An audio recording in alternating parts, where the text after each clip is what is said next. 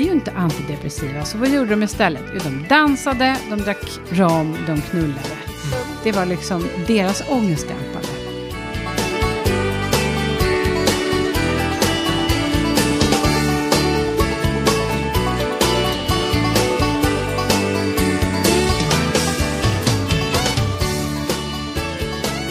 Ja, men det kändes lite som att jag var, om- som att jag satt och hade en monolog med mig själv. Att jag argumenterade så här, å ena sidan, å andra sidan. Och ja, jag har ju faktiskt mått så här förut och nu mår jag så här. Och ja, fast på en bra dag, då mår man ju riktigt bra. På en dålig dag så mår man ju riktigt eh, dåligt. Och ja, inte, lite den här så här, inte är väl jag, eller vem är väl jag? Ska jag verkligen ha det här? Och, Med vem? med läkaren som jag träffade då i, i eh, måndags var det väl.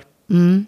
Eh, I min jakt på lyckan, eller på att säga, i min jakt på att må bra.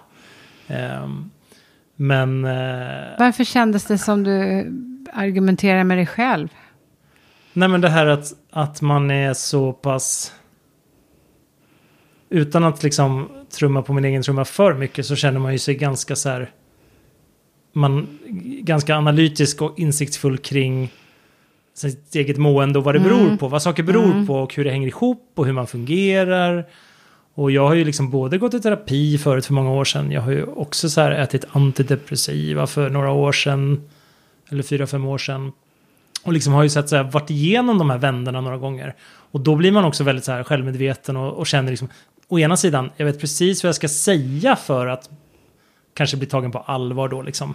Men man blir också väldigt själv, eller jag blir väldigt självkritisk i den stunden och känner så här, men lite så här, ja men senaste veckan har väl ändå varit ganska okej. Ja. Den har ju varit okej ändå. Och jag var ju träna igår och ja men idag känner, idag känner jag mig ändå ganska pigg och ja, sådär. Och så blir man väldigt så här, Fast det här mötet bokade jag ju för en månad sedan. Alltså sådär att man blir väldigt så, är det verkligen riktigt lika akut som jag tyckte att det var då? Men det där kan jag relatera till. Jag har också suttit så hos läkare och psykologer. Eh, jag som har läst så oerhört mycket om terapi och läst terapi också. Ja, Och gjort någon slags skiss och plan i huvudet där jag precis har gjort världens utläggning. Ja, och det här är min bakgrund och jag tror att Ja. det kan vara det, jag tror att det kan vara det. Och sen man har kommer med en blivit... färdig diagnos Ja, liksom. och så har jag blivit tyst och så har jag tänkt, ja just ja, det är precis därför jag är här. För att jag tror att jag är någon slags självgående maskin som kan sköta mig själv. Och det kan jag inte, jag behöver hjälp. Ja. Och jag tror nog att läkarna ser sånt faktiskt. Hur gick det då? Nej men sen får man ju fylla i som, så kallad självskattningsformulär kallas det väl. Mm. man svarar på frågor om hur man mår och sådär. Så räknar man ihop, det är ju så enkelt som att man bara räknar ihop poäng, poängen och så ser de så här, ja kommer du över en viss poäng så är det ungefär som att And the winner is... Ja, precis. Då, då kvalificerar du dig till liksom att få till exempel utskrivet antidepressiva eller vad, Mm. vad det nu kan vara. Fick du det då? Ja, det fick jag faktiskt. Mm. Och så fick jag ta ett blodprov också och så fick jag ett eh, eh, åter, vad säger man? Ett Åter, svar? nej, jag fick inte, det får jag, ska jag få senare, det ska Mm. de höra av sig om. Men däremot så fick jag en ny tid om två veckor så vi ska, jag ska tillbaka och liksom utvärdera och få kanske de där, alltså få blod, om det är några avvikelser i Ja, de kollar ju så här sköldkörtel Ja, och sånt där. B12-brist, Ja. järnbrist, lite sånt. Så det kan ju vara sådana saker också. Nu tror jag inte att det är det för jag har inte haft sådana. Alltså, Har du börjat äta? Ja, Ja. Idag. Idag? Ska man gratulera eller vad Jag ska man inte. göra? Jag vet inte, jag vet inte. Nej men det, Men hur ju, känns det då? just nu känns det väl inte så mycket men jag har ju gjort det här förut. Med jag precis, menar det, hur precis samma fått- läkemedel. Mm. Så det känns väl som att eh, jag har väl kapitulerat för den... Jag vet inte, det kanske... Kanske du känner igen, men det här att man... När man går under väldigt lång tid, kanske åratal, Mm. så internaliserar man ju hur man mår. Alltså man, det blir ju en del av ens normala vardag. Det blir inget man tänker extra mycket på eller extra lite på. att så här, Den här känslan av att så här, ja just det, så där skulle man ju inte behöva ha det. Eller, Nej, eller man skulle ju inte behöva må dåligt över de där sakerna eller vad det nu kan vara. Egentligen, fast man tror det för att det är så stor del av ens vanliga liv att det är inte som att går runt och tänker så här oj vad det här var ett depressivt beteende eller oj vad det här tankemönstret var, var orimligt i den här situationen. Alltså så tänker man ju inte i vardagen. Nej. Men, utan jag, för mig brukar det ofta vara i efterhand, jag tittar tillbaka, jag tittar tillbaka ett halvår, ett år Och så kan jag se så här, ja just det där på hösten, då hade jag en mörk period. Alltså lite så här att jag kan liksom reflektera i efterhand, men när jag är i det, då, är, då finns inte det där liksom, den självmedvetenheten att förstå att så här, just nu är jag inne i en sån fas. Jag har ju ätit eh, antidepressiva i 15 år om man ska lägga ihop de åren jag ätit. Nu Mm. äter jag inte. Nej. Men jag kan ju säga att jag var väldigt motståndare till det länge. Mm. För att jag kanske hade en syn som många har. Liksom att men fan, jag borde skärpa till mig bara. Mm. Äta lite mindre vitt bröd och kanske jogga lite mer. Och Just, just vitt bröd också, det känns som så här nyckeln. ryck upp mig. Ja. Ja. men sådär, fasen, alla har det jobbigt. Men sen så hamnade jag i en, när jag gick in i väggen första gången kan man säga. Som berodde på en massa olika saker. Dels att barnen var små. Nummer två hade kolik. Mm. Han blev sen jätte, jättesjuk. Hamnade på eh, Astrid Lindgrens barnsjukhus på intensiven. Vi visste Oj. inte om vi skulle eh, om vi skulle förlora honom eller inte. Ihop med en massa andra saker. Och då bröt jag ihop så mycket. Så sen när jag skulle komma tillbaka så gjorde jag liksom alla rätt. Mm. Men jag kom inte tillbaka. Och Nej. då sa just läkaren att men ibland så har man stressat sönder eller av olika anledningar kemiskt svårt att ens orka bli frisk. Mm. Så det var väl första gången jag faktiskt tänkte att jag ska prova det här då. Och då gjorde jag det och jag minns fortfarande idag hur jag efter en vecka kände att och det låter så klyschigt, men att himlen öppnade sig. Det var Mm. nästan så. Jag kände att, säg att jag hade haft mål, mörka moln Mm. Två meter över huvudet. Och plötsligt så var det som det sprack upp. Och jag såg liksom två kilometer upp Mm. och himlen var blå. Precis så kändes det när jag Ja. gjorde det sist också. Då- Man hade den in- våta filten ovanför Eller tillvaron. Liksom. Och jag blev inte lycklig och det blev inte lättare. Men däremot så blev jag lugn nog att orka bli frisk. Mm. Och då... Och liksom att orka göra förändringar Ja. som krävs för att liksom förflytta sig någonstans på något sätt. Och sen, sen slutade jag efter något år och mådde sämre, så då började jag igen. Och då var det väl min läkare som sa att du måste se det här som ett insulin just nu. Mm. Därför att precis som en diabetiker behöver den här skjutsen av serotonin, som det var i mitt fall, eh, för att kunna orka. Mm. Så att jag är ju för medicin. Jag tror faktiskt inte man skriver ut det för lätt. Och även om man skulle göra det så tänker jag att alla kan behöva det ibland, vissa stunder.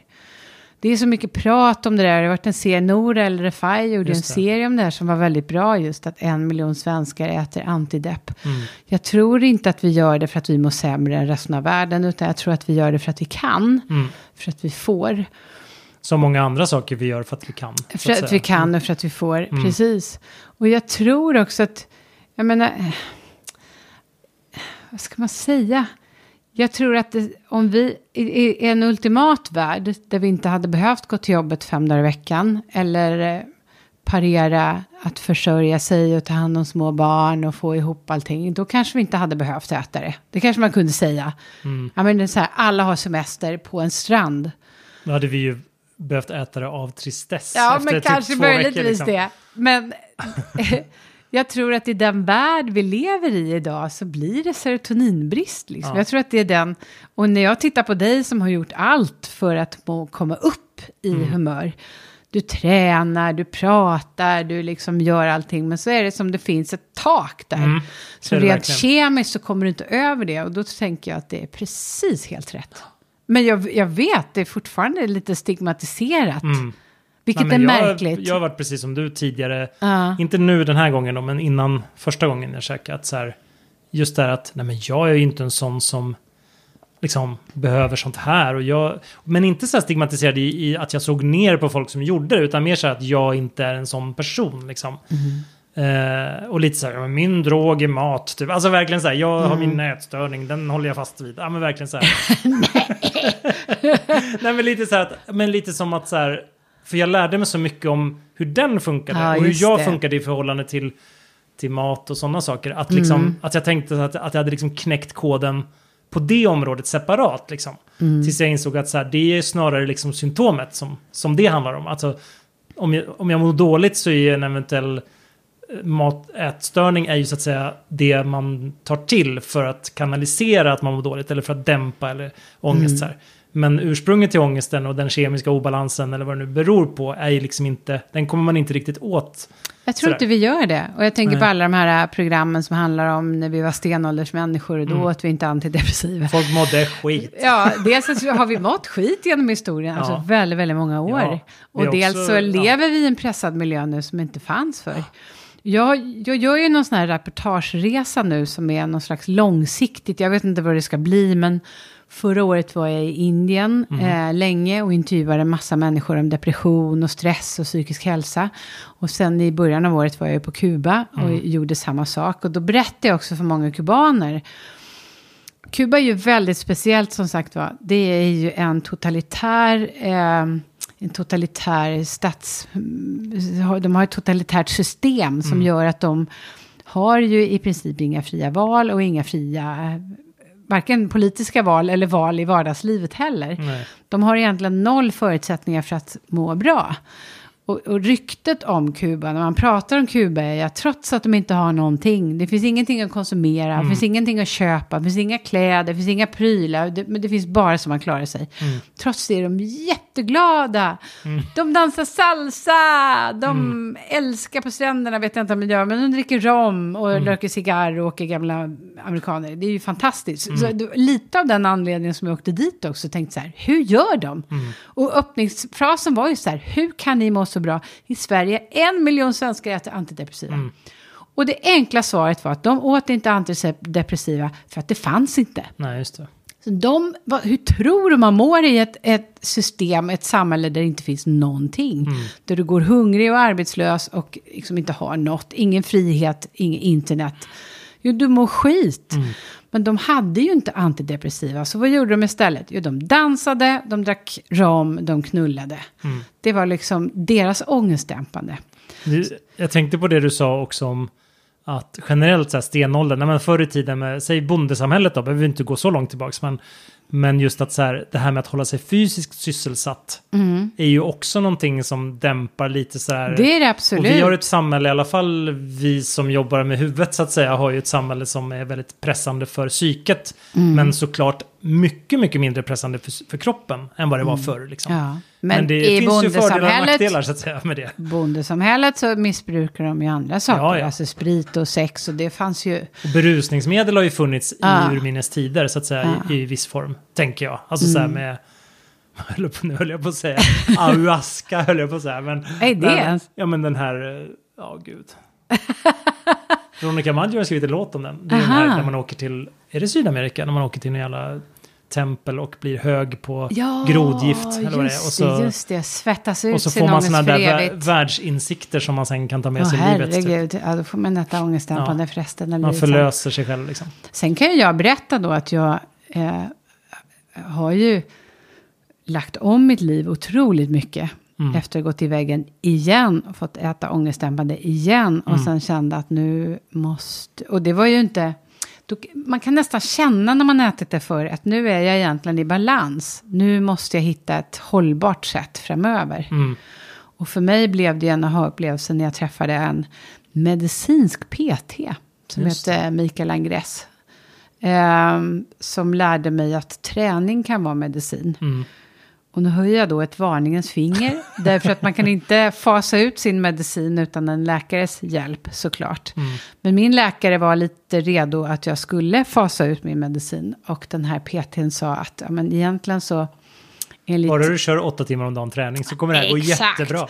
Nej, men faktum är ju att det är otroligt vetenskapligt belagt nu att eh, en viss mängd av vardagsmotion kan i princip vara lika effektiv som SSRI. Men med det sagt då, eh, det är inte säkert att det är det för alla och liksom så. Men under förra året så fasade jag då ut min ångestdämpande samtidigt som jag fasade in vardagsmotion. Mm. Och idag så använder jag motion som ångestdämpande. Men det är ju inte, det är lättare att ta en tablett om man säger så.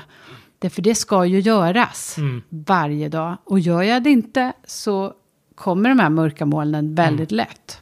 Vi Så- pratade ju om det tidigare, det här med att när jag var föräldraledig och gick en till två mil om dagen i Ah. barnvagn. så var ju det, dessutom var ju det psykiskt inte så påfrestande. Alltså för jag jobbade ju inte då. Nej. Det var ju, det var ju, vad heter det? Långtråkigt var det ju. Mm. Jättelångtråkigt. Men det var inte så där deppigt som man kanske Nej. kan tänka sig. Förstår du jag menar skillnaden? Att så Mm. här, man var inte så stimulerad och man kände sig ganska så här meningslös på vissa plan. Men jag var inte nere i någon botten rent psykiskt, att jag mådde dåligt eller var deprimerad. Nej. Det är ju, men det var ju antagligen så jag var ute flera Och timmar det är ju om dagen. säkert liksom. inte bara att du har rört utan också att det är ett sammanhang. Ja. Du behöver inte grubbla och analysera för mycket, utan det... Men om jag ska sticka ut hakan så tänk, kan jag tänka idag ibland att det är jättebra med antidepp. Men vardagsmotion alltså, jag är Mm. lite förbaskad på att man inte pratar mer om det. Och då pratar jag inte om att gå till gym och träna, utan jag pratar om det just här, Mm. en rask promenad 30 minuter per dag. Det finns ju, det här har ju funnits länge, den motion på recept. Det vet jag vad man höll på Ja, med. men de har slutat Har med det slutat lite med det? grann nu. Ja. Det kanske var jättelänge sedan då. Det var när jag jobbade på, inom landstinget för typ 15 år sedan. Så Ja. pratade man om det mycket. Men det känns som att det borde ju vara nyckelfaktorn det. Ja, Men det, det är är ju kanske så. en egen debatt liksom. Men, Men alltså, och, och det är ju inte, så att nu, för mig är det ju, som idag då, så har jag jobbat jättelång dag på radion, jag sänder direkt och jag visste att vi, jag skulle hem, hinna äta lite snabbt, åka till dig. mm, Det betyder att då måste jag ju lägga in den här, då hade jag under sändning, så hade jag 30 minuter mellan ett inslag, jag träffade en politiker och sen skulle jag träffa en annan gäst. Då Mm. hade jag 30 minuter. Då får jag ta de 30 minuterna i mina jobbkläder och springa upp och ner för en trappa i Vitabergsparken. mm, För att det ska funka. Mm. För att jag vet att gör jag det inte så kommer jag må dåligt imorgon. Mm. Så att, men det ställer lite krav. Och det ställer också krav på relationen, om man nu ska prata om den. ja, gud ja. Det heter ju ändå dejtinghaveriet, eller vad säga. Ja. och det är, liksom, det är ju inte... Jag är ju nykär nu med Anders. Ja. Alltså vi har det lite härligt nu. Vi har hittat tillbaka till varandra och allt är bra. Men det är också så här, vad, vad händer när man har det härligt? Jo, man äter gott och Mm, just det. Hur är hans... Eh, sitter. kör han... Eh, motionerar han också? Och sådär? Han vill och försöker, men Mm. han är inte riktigt där. Nej. Och det är ju, även om jag är jätteduktig på att röra mig varje dag, så är det ju eh, svårare när någon annan sitter i soffan och säger Mm. nej, Det det, behövs inte. Det, det fenomenet tycker jag man alltid har, Ah. speciellt i början av en relation, att man liksom, liksom blir så här, eller ja, alla relationer egentligen, att man blir ju mer så här, det kretsar mer kring måltiderna, för det är ju också väldigt härligt och mysigt, Vad ett sätt är att det? umgås liksom. Jo, Ja, det, är men så vad här, är det? Varför kan det inte kretsa kring träning? men det, kan det, väl, det finns väl par som håller på så också såklart. Ja, men det är ju, vad är det? Men då får man sätta upp så här, ah, vi ska springa Göteborgsvarvet tillsammans eller något sånt där. Men ja, Ja, nej, det mål, är väl, mål med det kanske. Jag vet inte. vi har ju, när vi var tillsammans första varvet då, som var typ två år, då bråkade vi ju eh, väldigt, väldigt mycket. Mm. hela tiden för att vi inte var riktigt på samma plan. Och sen var det ju slut och så hittade vi oss själva. Snabb recap för Ja, alla som precis. inte har hängt med från första avsnittet. nu är vi tillbaka och det är ju helt fantastiskt. Det är Mm. väldigt, väldigt bra. Men det enda bråket vi har, det är ju så här. Eh, det är inte snällt att inte uppmuntra den andra. Nej, just det. Det hör, du hör, det här är mina ord. Jag Ja. säger till honom, det är inte snällt att inte hjälpa mig att motionera. För motionera är ju min räddning. Det är ju mitt antidepp. Och han kommer ju förlora på om du inte gör det också så att säga. Exakt vad jag säger. Ja. Kan du följa med mig hem? Nej, för jag, jag är ju en sån, jag är lite sån eh, att jag faller för grupptryck ofta. ja. Så att liksom, ja men till exempel när jag bodde med min dotters mamma som är väldigt, som tränar mycket, tränar varje dag i princip. Och Ja. tränar hårt liksom. Då blev ju jag mycket bättre på att träna också. Mm. Och inte att jag hängde med henne just specifikt. Utan mer så att om jag visste så, om hon var och tränade på jag tog ju hand om barnet och så kanske Mm. hon drog och tränade. Då blev det som att jag bara, "Ah, men jag måste ju också göra något sen. Alltså Ja. senare, för att då har ju, för då har jag ju sett att hon har varit och tränat. Och det, det var ju samma med maten också, matvanor och sådär. Att jag Mm. följde liksom hennes matvanor mer när jag bodde med henne. Och Ja. åt, åt bättre, åt mer regelbundet, mer så här strukturerat. Och sen när jag då, när vi flyttade isär och jag började köra själv så att säga, då, Ja. då liksom föll alla de där ramarna och strukturerna och vanorna liksom. Och det är väl det som jag kan känna nu då som har gått in i en relation. Att jag är den som inspirerar till bättre mat, Mm. inspirerar till mer träning, inspirerar till att sk- sköta sig, liksom Mm. och hålla det här. Och, och, eh, och det är inte riktigt okej att en ska dra det. Nej, det men måste man ju växeldra. Men jag tänker så här att kan det inte vara en låsning i att det här att den ena ska dra och den andra ska följa med som du säger. Det, men ibland kan det ju vara så att man kanske behöver hitta en tredje part som är den som drar. Alltså en träningskompis, en vän som är så att ni tillsammans har den här liksom ambitionen att ni ska träna mer. Men det kanske inte handlar om att ni ska göra det tillsammans utan det kanske handlar om att så här Anders ska hitta någon att träna med oftare och du ska göra din grej som du är van vid. Men att ni båda kommer liksom gynnas av det. Nu försöker Ja. jag lösa ditt problem. Ja, jag men det, vet. det Men jag tycker meningen. det är intressant. Och det är ju snacket med mina tjejkompisar nu är ju så här. Men... eh, Nej men just för Det det, är för det är lätt att det blir massa rela- relationsgrejer som blandas in i det där. Som liksom att det kan bli så här allt ifrån så här, ja, men hela samlivet kan ju påverkas av en sån liksom liten konflikt. absolut. Och så känner man så här att, ja, men, kanske ska man försöka, ja, jag gissar bara nu, men jag tänker att om man liksom lyckas få det externa trycket att komma också. Det är ju liksom. jättebra. Men det kan ju fortfarande inte vara så. Jag försöker skärpa maten, han kommer hem med en påse godis. Nej, Och det kan jag tycka... Inte om ni ska äta samma sak i alla det fall. tittar man på med lite blida ögon. För det är Ja. fortfarande lite så här, det är lite härligt och mysigt att komma med chipspåsen. Ja, ja. Eller så är det inte alls det. Men då behöver man ju ha satt upp kanske lite ramar och mål då, att ni gemensamt har liksom, vad säger man, sign off på att Ja. nu på veckorna, nu vardagarna, då gör vi så här, på helgerna så tillå- tillåter vi oss det. Det låter ju svintråkigt nu när jag säger det, men ja. jag tänker Men där är ju vi nu, om Ja. man ska säga hur det är med kärleken, så är ju vi i den här fasen där vi ska inte göra om samma misstag, Mm.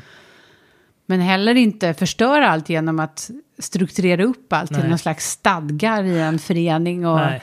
Jag är ordförande naturligtvis och han är suppleant. utan, utan vi ska ju försöka Ja. göra det här lite härligt. Och det är svårt med relationer, Fredrik. Ja, det är ju det. Och det där är så himla, det är ju som det här eh, att schemalägga sex till exempel. Att så Mm. här, för att det ska bli gjort, för att få in vanan, för att det inte bara ska gå fyra månader utan att något har hänt liksom. Ja. Eh, varför sa jag just fyra månader? Så konstigt, konstigt mått. Så här. Ja, fyra månader tycker jag lät bra. Nej, men, så här, men jag kan verkligen respektera och förstå.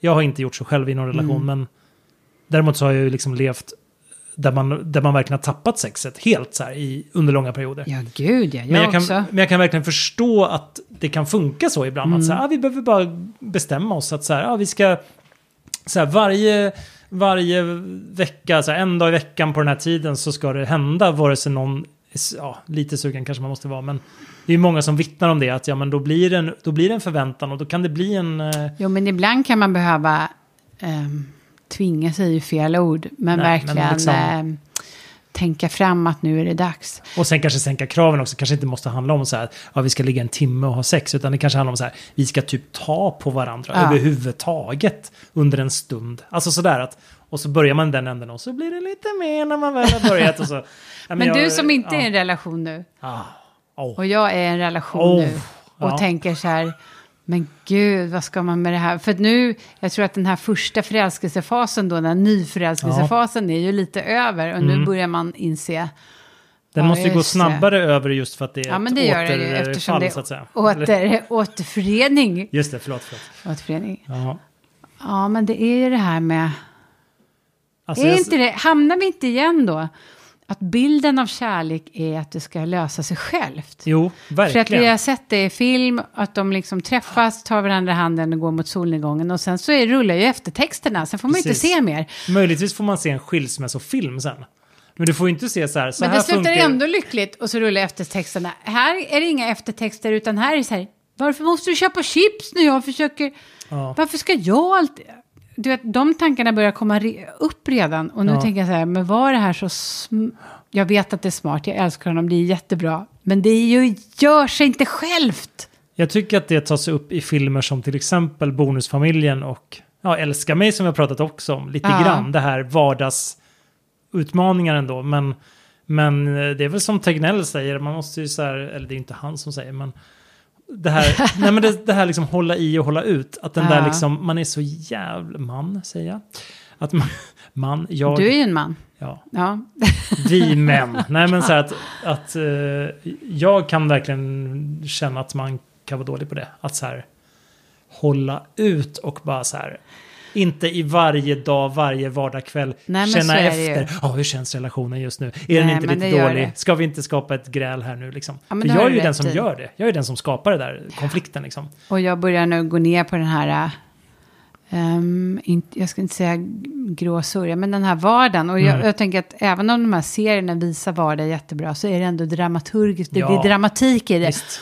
Alltså det är ju som bonusfamiljen utan dramatik, Mm. utan att de har klippt bort transportstenarna. Mm. Man går omkring och tänker, "B- men, men, nej, men. Ja. Ja, men det har du helt rätt Och sen i. kommer hösten och mörkret. Och sen kommer och så är det november och så... Ja. Men jag har gjort en liten rolig grej Vadå? idag. Just det. Du har ätit ångestdämpande idag, första tabletten. Jag har varit på min första cuddle party.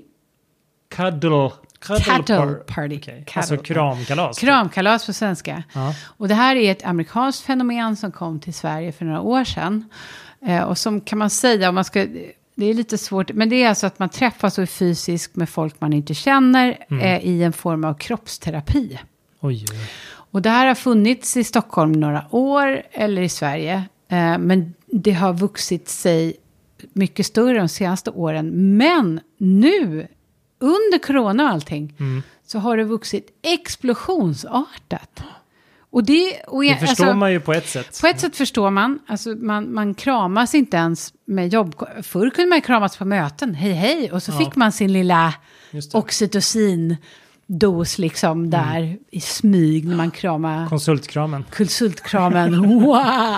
Ja, Men då får man inte ens den. nej. Och har man som jag tonåringar som vägrar att vara fysiska. Eh, och jag har varit singel nu under värsta coronan. Jag har ju varit på några dejter men det har ju inte varit något fysiskt alls. Nej. Herregud, man är ju helt svältfödd. Det är klart att man gärna betalar för en kram. Jag köpte mig kärlek för pengar. Precis. För mig fanns det annat att få. Men eh, så att jag var då för radions räkning och eh, träffade då en av Sveriges få legitimerade cuddle parties. Vem, le vem legitimeras man av då undrar jag? Ja, men då går man en kurs i USA och blir Okej. legitimerad instruktör. Det är som så här McDonalds University. Man måste Ja. liksom iväg och få den globala cuddle party-organisationen. Sen får man liksom den här Big Macen som man Ja, kan. Ja. Spännande. Det var väldigt spännande för jag såg ju framför mig då att det skulle vara då 14 personer som ormade runt i någon slags grop. Mm. Med kläder på såklart men liksom bara var så himla mycket fysiska det bara gick. Mm. Men så var det inte alls det. Nej. Utan det handlade nästan bara om gränser och samtycke. Mhm. Helt chockad. Att man liksom närmade sig varandra då på ett väldigt kontrollerat sätt. Nej, det handlade om att... Och det här blir ju lite tråkigt i sammanhanget. För det hade varit härligt om det bara var någon slags härlig jättegruppkram som pågick i Mm. två timmar. Och sen gick man därifrån alldeles blossig om kinderna och kände så här, åh, livet är härligt. Mm.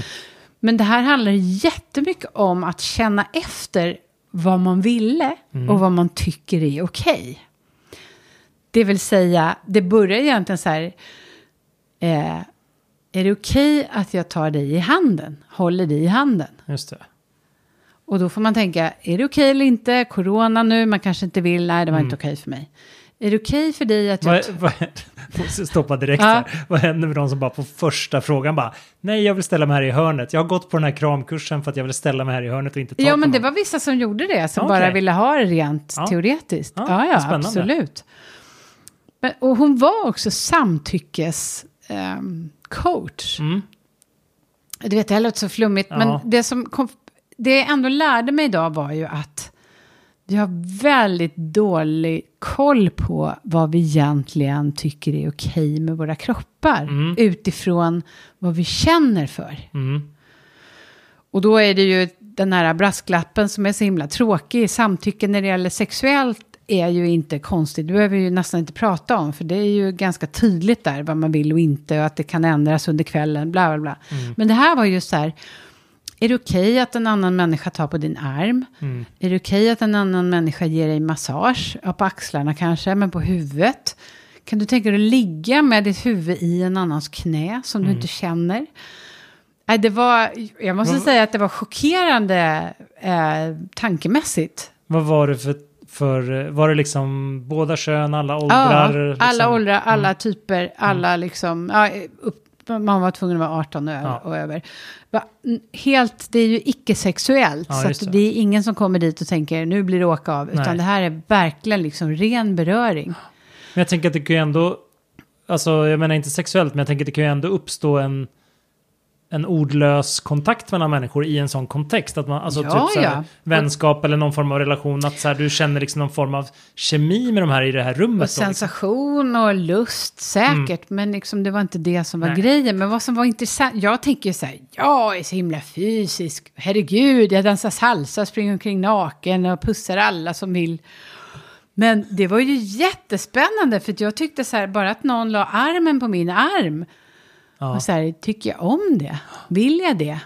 Och det hon sa rent generellt då, den här kvinnan som höll i det här, var ju att vi i Sverige, när det gäller den typen av vad ska man säga, kroppslig beröring, så är vi alldeles för bra, eller dåliga på att säga, alltså vi är för dåliga på att säga ja ja, just det. Vi, vi håller till, eller vi drar oss undan. Vi drar oss undan. Mm. Så på det sättet har ju corona blivit en katastrof då, för att vi Ja. också har det skyddsliga, och det ska man ju tänka på, det är inte det. Men Nej.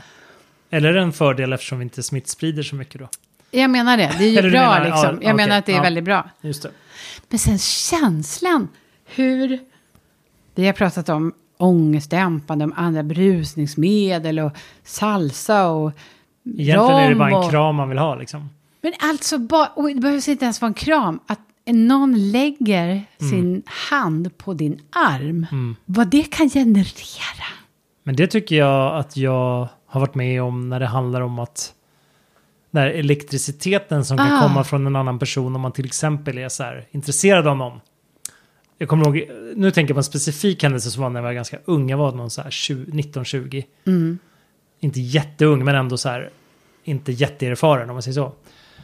Och just där, och så vet jag att jag hade spanat in någon tjej på någon fest så här och så liksom och så kom, eller vi, jag tror vi spelade i samma band, eller, eller samma orkester menar jag, vi var ganska många.